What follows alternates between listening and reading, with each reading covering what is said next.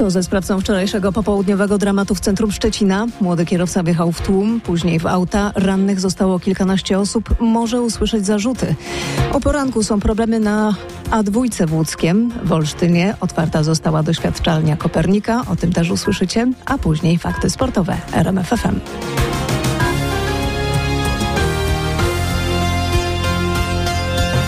Prokuratura planuje w najbliższych godzinach przesłuchać sprawcę poważnego wczorajszego wypadku na placu Rodła w centrum Szczecina. 33-letni mężczyzna rozpędzonym autem wjechał w grupę pieszych. Później uciekł, uszkadzając samochody osobowe. Został zatrzymany. Poszkodowanych w sumie zostało 19 osób, wśród nich sześcioro dzieci.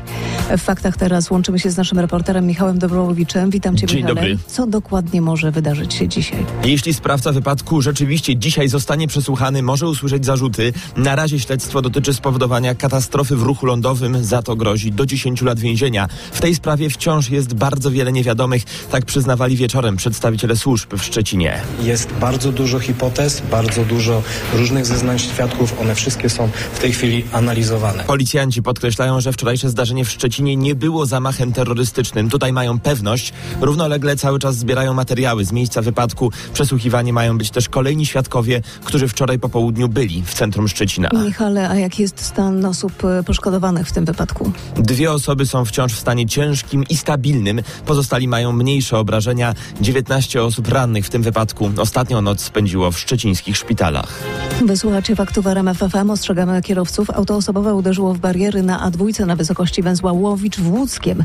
Nikomu nic się nie stało, ale jeszcze przez mniej więcej godzinę na jezdni w stronę Warszawy zablokowany może być jeden pas.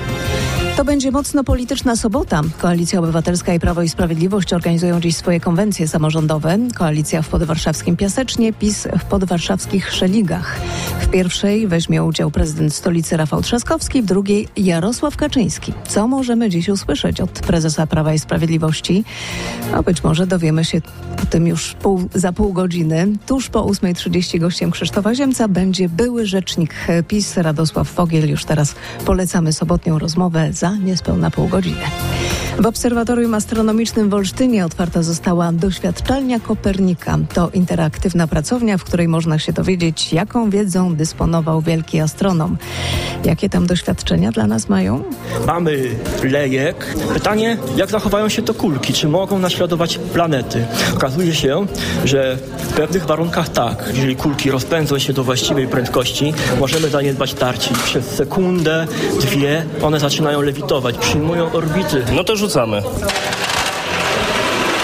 No i właśnie, co się stało? Krążą. No właśnie w tej chwili zobaczmy, jak one zostały uwięzione w polu grawitacyjnym Słońca, które wytworzyliśmy tutaj w takich specyficznych warunkach. Bardzo prosty sposób, ale sugestywny moim zdaniem. To zdanie astrofizyka doktora Ernesta Świerczyńskiego, który oprowadzał naszego olsztyńskiego reportera Piotra Bołakowskiego po doświadczalni Kopernika. Możecie zobaczyć to miejsce na zdjęciach, które mamy na naszej stronie rmf24.pl w zakładce regiony. Radio, muzyka, fakty. RMF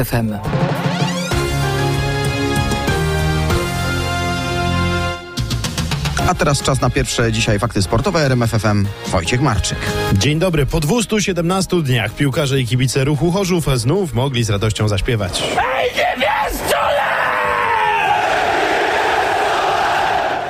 217 dni, tyle ruch walczący o ligowy byt czekał na zwycięstwo. Wczoraj niebiescy pewnie 3 do 0 pokonali na Stadionie Śląskim w Chorzowie Piasta Gliwice. Na pewno doceniamy ten wynik, bo Piast nie jest e, przeciwnikiem łatwym i zespół spisał się na pewno dobrze i za tą konsekwencję i za tą e, grę e, dostaliśmy trzy punkty. Komplementował po meczu swoich piłkarzy trener ruchu Janusz Niedźwiedź. W drugim wczorajszym meczu Krakowia przegrał u siebie z Wartą Poznań 0-1. Max Verstappen, broniący tytułu mistrza świata Formuły 1, świetnie rozpoczyna nowy sezon. Holender wygrał kwalifikacje i dzisiejszy wyścig o Grand Prix Bahrainu rozpocznie z pole position. Kierowca Red Bulla był szybszy o niewiele ponad 2000 sekundy od Charlesa Leclerca.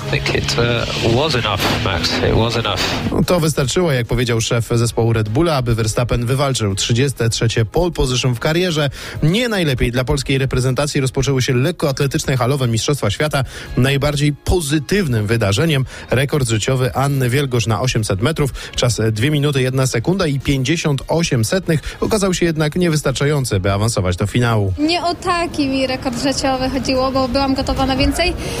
No mam bardzo duży niedosyt, dlatego ciężko mi jest cieszyć się z tej życiówki teraz, choć tak e, na czysto popatrzeć, to jest mój pierwszy sezon halowy, gdzie tak równy poziom do samego końca zachowałam. Mówiła o swoim biegu Wielgosz w eliminacjach na 800 metrów. Odpadli także Mateusz Borkowski i Angelika Sarna.